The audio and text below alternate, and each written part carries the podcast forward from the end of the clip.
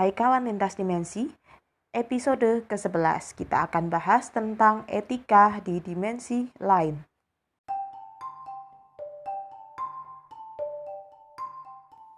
Di mana pun kita berada, kita wajib memiliki etika. Sekalipun tempat yang kita datangi itu kosong menurut pandangan mata fisik, tapi bisa jadi ada penghuni tidak kasat mata di sana ada kan nih kawan lintas dimensi yang diminta untuk mengucapkan salam ketika datang ke rumah yang sebelumnya kosong. Nah, seperti itulah.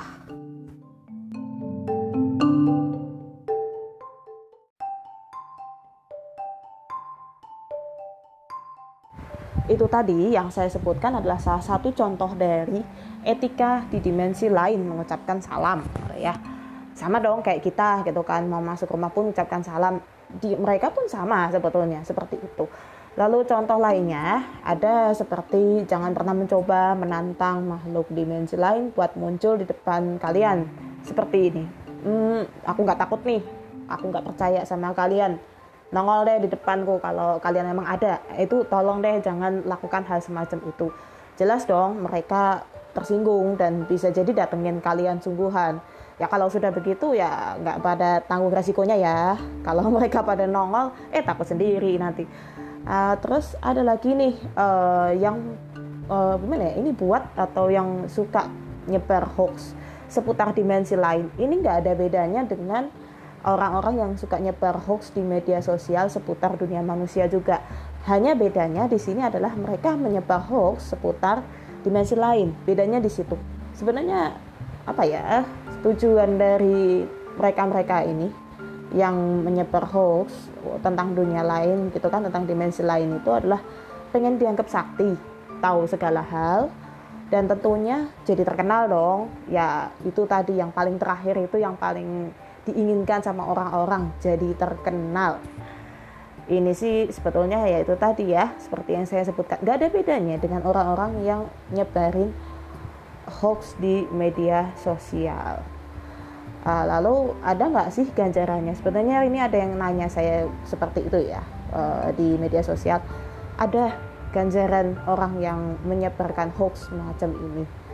Uh, jangan dikira loh mereka tidak nampak terus mereka diem aja gitu kan diplesetin segala berita tentang mereka terus mereka diem aja gitu mereka sebenarnya juga punya perasaan, bisa tersinggung, bahkan marah pun bisa. Jadi, kawan lintas dimensi, jika tidak mendapatkan informasi yang valid tentang dimensi lain, tolong jangan coba-coba kasih informasi yang salah. Itu jangan jangan deh eh, coba-coba untuk ah biar aku dianggap sakti enggak deh buat apa gitu kan daripada kita menyebarkan sesuatu hal yang tidak sesuai dengan dunia mereka gitu. Bahkan saya sendiri dalam menyusun materi di podcast ini pun tidak asal karena kan saya ketika nulis ini jadi saya setiap kali mau buat podcast ini ya setidaknya saya tulis nanti saya ajukan ke Bang Sen suami saya untuk nanti dikoreksi. Nanti kan dari situ ada e, mana yang perlu dimasukkan ke podcast mana yang enggak. Karena apa? Jangan sampai ada hal-hal yang hanya boleh diketahui oleh eh, orang-orang uh, yang memang diizinkan tahu tentang dunia mereka tersebar melalui podcast ini misalnya gitu kan atau melalui medsos atau apa sehingga mereka marah dong sama kita gitu. Ya janganlah. Kita sesama makhluk hidup saling menghargai gitu kan. Atau ya kita hidup sama-sama di dunia ini kok gitu. Hanya terbatas oleh uh, tirai yang membuat mereka menjadi tidak nampak. Nah setelah ini saya ada cerita nih uh, tentang manusia yang tidak menghormati keberadaan makhluk dimensi lain ya. Tapi setelah jeda yang berikut ini aja ya nanti saya ceritakan. Oke. Okay.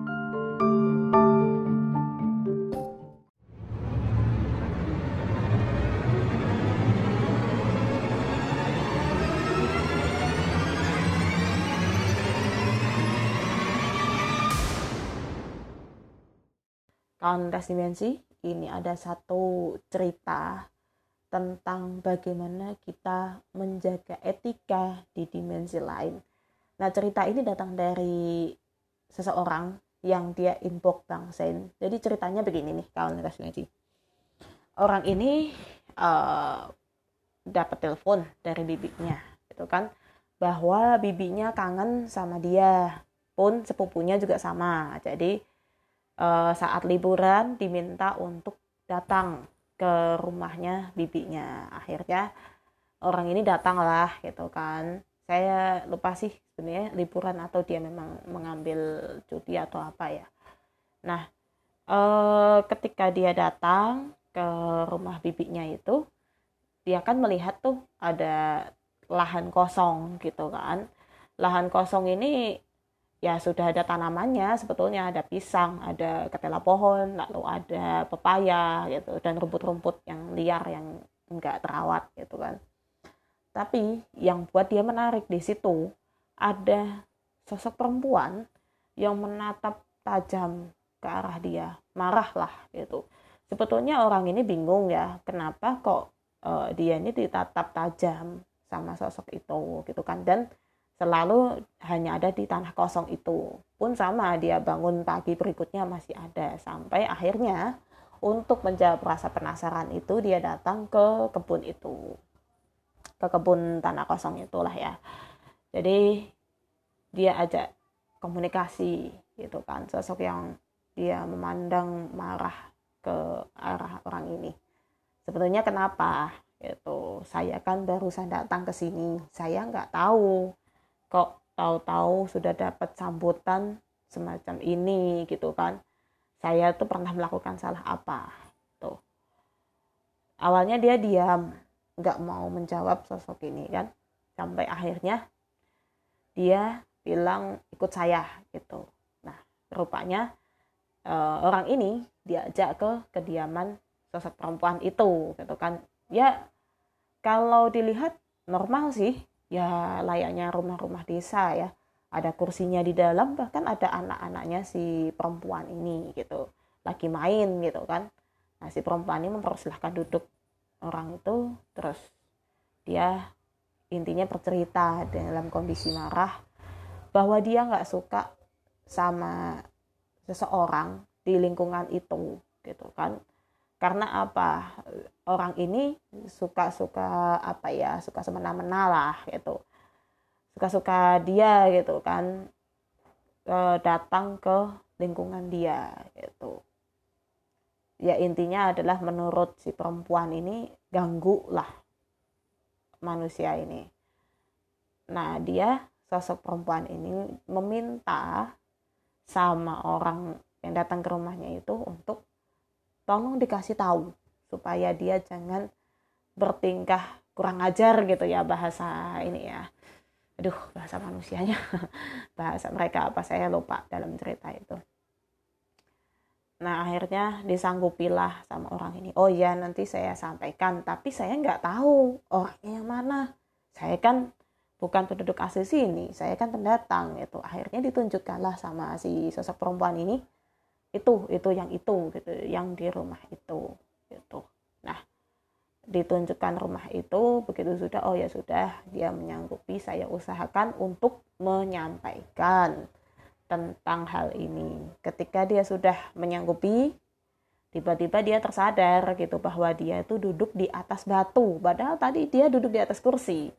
Di atas batu di bawah pohon pepaya. Jadi pohon pepayanya memang lumayan lah ya tinggi gitu Nah, uh, dia agak bingung sih, kok bisa perasaan tadi masuk rumah duduk di atas kursi tapi ya sudahlah gitu. Dia dia sudah paham sih karena orang ini juga kan bukan satu dua kali ya uh, bertemu dengan hal-hal yang menurut orang lain ganjal lah.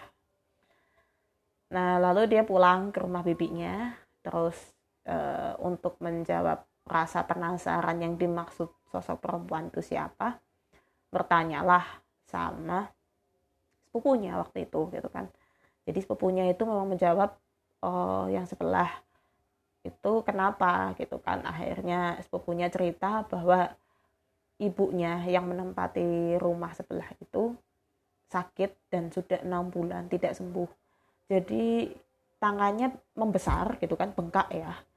Dan kayak apa ya sebetulnya bukan bekas digigit serangga kayak masih masih memerah gitu bekas-bekas serangga ada. Ya secara pandangan tuh jijik lah kita ini. Tapi kalau sampai dalam konteks bernanah enggak sih cuman gede-gede gitu. Kayak bentol-bentol tapi gede-gede. Cuman kan ngeri lah ya kita ngelihatnya. Oh gitu gitu kan. Si, orang ini terus bilang dia sama sepupunya tolong dong besok saya diantar ke rumah sebelah itu gitu kan oh iyalah gitu. Sepupunya menyanggupi. Nah lalu besoknya nih gitu kan datang mereka bertamu. Karena kan ada si sepupunya jelas lah ya dipersilakan masuk. Lalu bercerita intinya orang ini ke ibu itu. Ibu uh, saya di sini ada sesuatu hal itu yang pertama yang disebutkan itu bingung sebetulnya kan tapi sebelum menuju ke sana dia bilang saya mau bertanya dulu. Ibu tahu tanah yang ada di depan itu gitu kan nunjukin yang tanah kosong yang kebun kosong itu ya. Si ibu itu ama agak berpikir sebetulnya gitu kan. Oh ya tahu gitu jawab si ibu itu. Nah si ibu itu sebenarnya masih penasaran kan. Ya jelas dong dia nanya ya sebetulnya ada apa sih mbak? Gitu e, begini ibu penyakit ibu sebetulnya ada hubungannya dengan yang ada di tanah kosong itu. Makin bingung si ibu ini. Maksudnya gimana gitu kan? Terus ditanyalah sama si orang ini. Ibu sebelumnya sebelum ini sebelum kena sakit ini apakah sering datang ke tanah kosong itu gitu kan?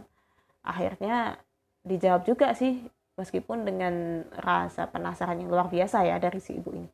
Iya sih mbak. Memang saya sering datang ke situ ya ambil daun ketela ataupun pisang atau apa macam-macam lah. Di itu kan. Lagi pula memang itu tidak ada yang memiliki. Kosong gitu. Cuman karena di situ ada tanaman yang bisa dia manfaatkan ya akhirnya diambil oh begitu. Itu kan kata si orang itu. Terus e, begini ibu saya bisa bantu untuk kesembuhan ibu gitu kan. Ngobatin lah gitu. Awalnya si ibu ini ya antara percaya sama setengah tidak percaya ya karena kan orang ini baru datang siapa kok bisa menawarkan hal semacam itu? Lagi pula si ibu ini dia sakit sudah selama enam bulan sudah dicoba ke dokter mana pun sampai akhirnya terakhir itu ke dukun belum sembuh juga. Nah jadi e, ibu ini lumayan lama berpikir sampai akhirnya dia memutuskan begini mbak saya kan ter terakhir ini berobat sama dukun. Saya nggak berani. Kalau saya langsung memutuskan untuk berobat sama mbaknya. Ya mohon maaf sebelumnya mbak karena kan saya juga harus menghormati yang dukunnya itu gitu kata si ibu itu.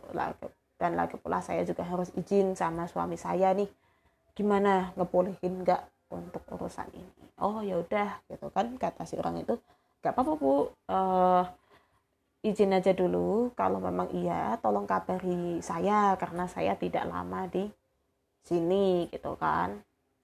Oh ya udah akhirnya si orang ini dan sepupunya pulang gitu kan. Sebetulnya dia sampai sengaja gitu kan nginepnya lama di rumah bibinya itu untuk menunggu keputusan si ibu ini. Akhirnya lama kan dan bahkan dia nyaris mau pulang gitu. Rupanya si ibu ini baru ngabari ya nggak lama-lama banget dalam artian lebih dari seminggu nggak sih. Bisa sampai sudah dua hari akhirnya hari ketiga baru si ibu ini ngabari e, mbak mohon maaf saya mau berobat sama mbak ini pun atas dasar inisiatif saya sendiri. Karena saya sudah izin sama suami tidak diizinkan. Alasannya adalah karena saya masih berobat dengan yang dukun yang terakhir gitu kan. Oh ya sudah gitu. Jadi gimana ibu? Ya kita lakukan aja. Saat suami saya sudah berangkat kerja jam berapa? Mereka akhirnya janjian gitu kan dan uh, benar juga didatangi juga akhirnya sama si orang ini dan sepupunya di rumah ibunya. Ah terus kan si ibunya menunggu nih gitu kan. Jadi gimana cara mbak itu mengobati begini bu?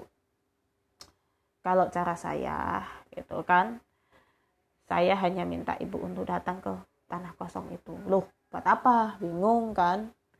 Buat apa ini kan? Terus yang kedua bu saya minta untuk disiapkan air satu gelas gitu. Ini air untuk diminum. Oh ya sudah airnya disiapkan. Air itu untuk diminum. Sudah bu airnya taruh sini saja di uh, di meja ruang tamu ya.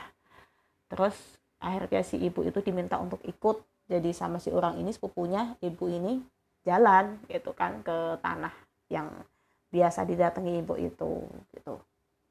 Nah setelah di depan tanah itu si orang ini kan ya jelas menjelaskan sih tapi dia tidak terlalu banyak.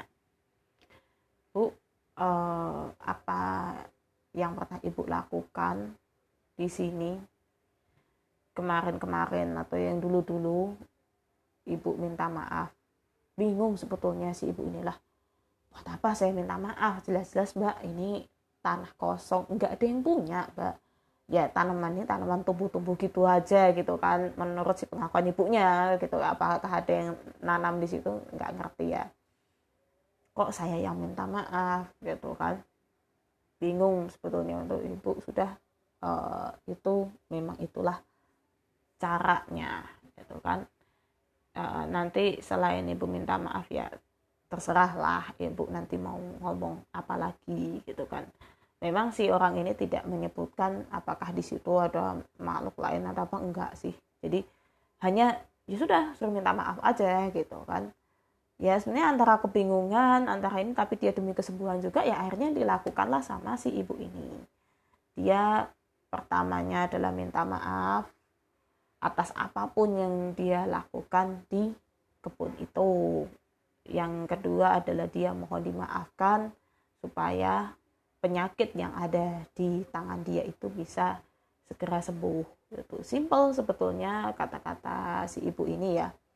Tapi dia benar-benar dalam mengucapkan tuh ya benar-benar berpasrah luar biasa lah itu saat itu. Dan menurut pandangan orang biasa ya di tanah itu kosong nggak ada siapa pun. Tetapi menurut si orang ini sebetulnya ketika ibu itu minta maaf luar biasa banyak warga yang berkunjung apa ya melihat gitu loh melihat si ibu itu. Dan bahkan mereka marah sebenarnya banyak marahnya ke si ibu ini gitu kan. Tatapannya tatapan marah gitu tapi itu hanya bisa dilihat oleh si orang ini tadi. Ya terus akhirnya kan si orang ini juga tetap menyampaikan gitu kan melalui batin dia. Jadi komunikasi batin antara dia dengan warga tak kasat mata di depan dia gitu kan. Uh, terus akhirnya para warga ini yang awalnya memang masih marah masih ya susah lah sebetulnya mereka tuh untuk memaafkan melihat dari ibu itu ya akhirnya luruh juga ya sudah gitu. Cuman mereka memberikan syarat yang pertama ibu itu kalaupun datang ke tanah itu tolong untuk minta izin dulu itu bukan minta izin sama yang punya tanah sih kadang kan nggak tahu ya. Karena kan diakui tanah itu kosong gitu. Dalam artian minta izinnya tuh gimana sih? Yaitu tadi seperti yang saya sebut di awal ya. Salam gitu. Atau kalau dia muslim ya assalamualaikum atau apa pun itulah yang intinya.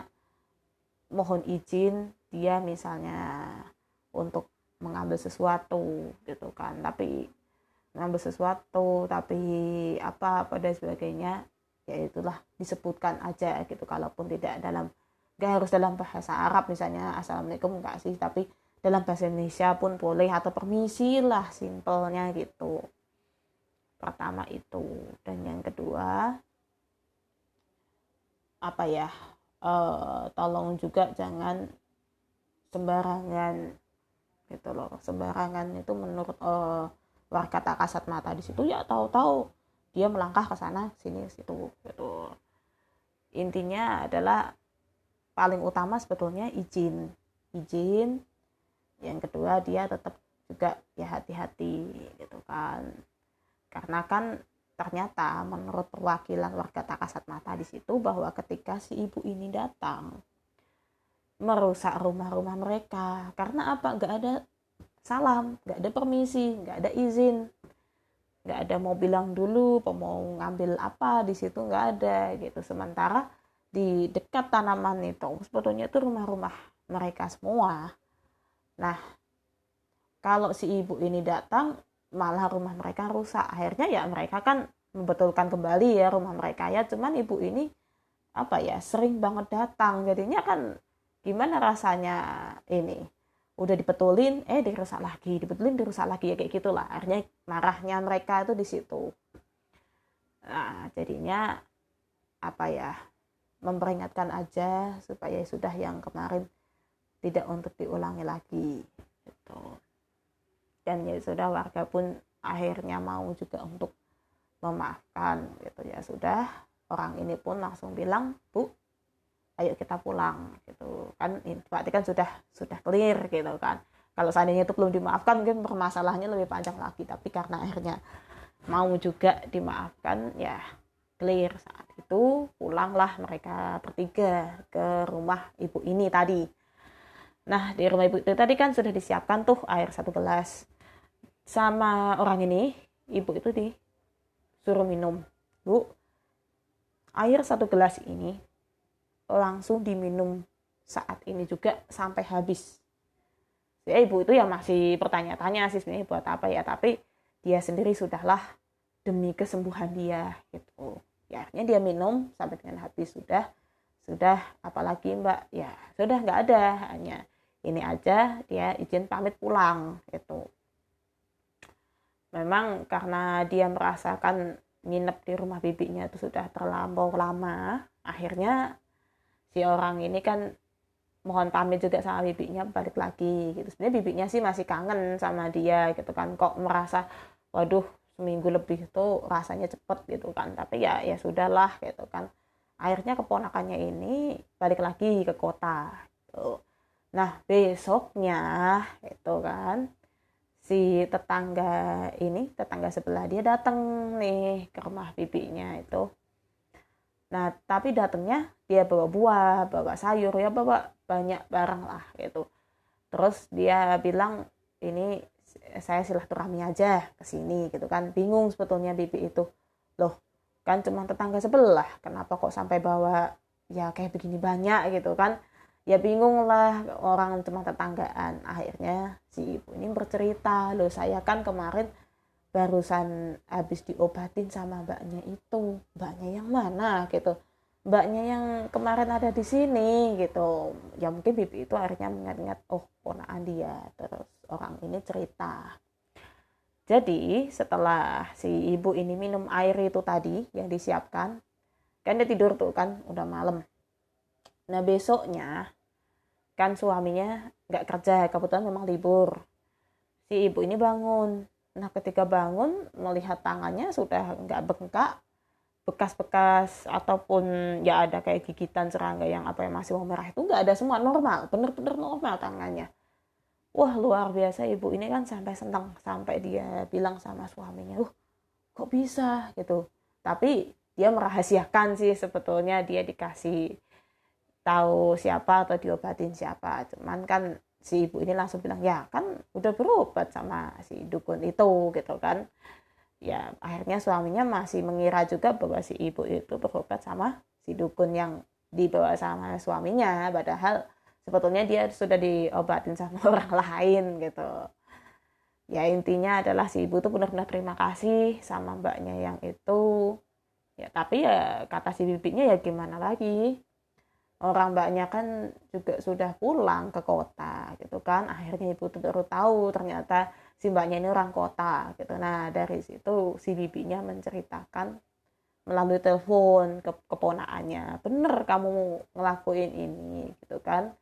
Cerita panjang lebar juga ya diiyakan juga sama keponakannya gitu kan. Dan bibinya ya kaget lah karena setahu dia ponakannya tuh sukanya diem kok musuh tahu-tahu bisa ngobatin orang gitu kan. Ya itulah satu cerita dari pengalaman seseorang gitu kan tentang etika itu penting di mana pun kita berada. Mau itu dibilang ah itu cuma tanah kosong ya tetap ada penghuninya gitu. Meskipun kita nggak bisa lihat siapa mereka yang ada di sana gitu kan. Makanya penting buat kita sebagai manusia tetap kok menjaga etika sekalipun itu di tempat yang kosong. Supaya kita sendiri kan juga ya kembali lagi ya kita kan juga supaya dihargai juga lah toh kita itu sama-sama makhluk yang tinggal di satu bumi gitu kan. Enggak kita tinggal di belahan bumi yang berbeda kita sama-sama tinggal di satu bumi ini kok hanya terbatas oleh hijab yang penghalang antara dunia mereka dengan dunia kita. Itu aja sih kawan lintas dimensi ya cerita tadi sekaligus jadi penutup ya kawan lintas dimensi semoga setelah ini kalian jadi lebih sadar tidak lagi sembarangan baik dalam menyampaikan informasi seputar dimensi lain maupun saat berkunjung ke suatu tempat. Meski tempat ini menurut pandangan kita sebagai manusia itu kosong atau lama tidak berpenghuni, bukan berarti kita bisa seenaknya gitu kan karena kita tidak pernah tahu makhluk-makhluk seperti apa yang menghuni tempat-tempat semacam itu pun termasuk di rumah kita. Jadi ya tetap jaga etika di mana pun kita berada. Oke, kawan lintas dimensi, cukup sekian dan salam.